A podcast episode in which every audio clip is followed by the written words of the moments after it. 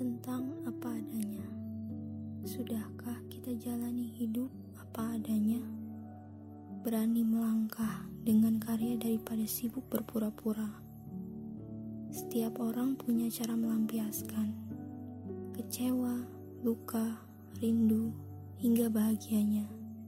Bagiku, menulis itu menyembuhkan, mengajarkan kembali pentingnya jujur pada diri sendiri apa pun kondisi yang dihadapi.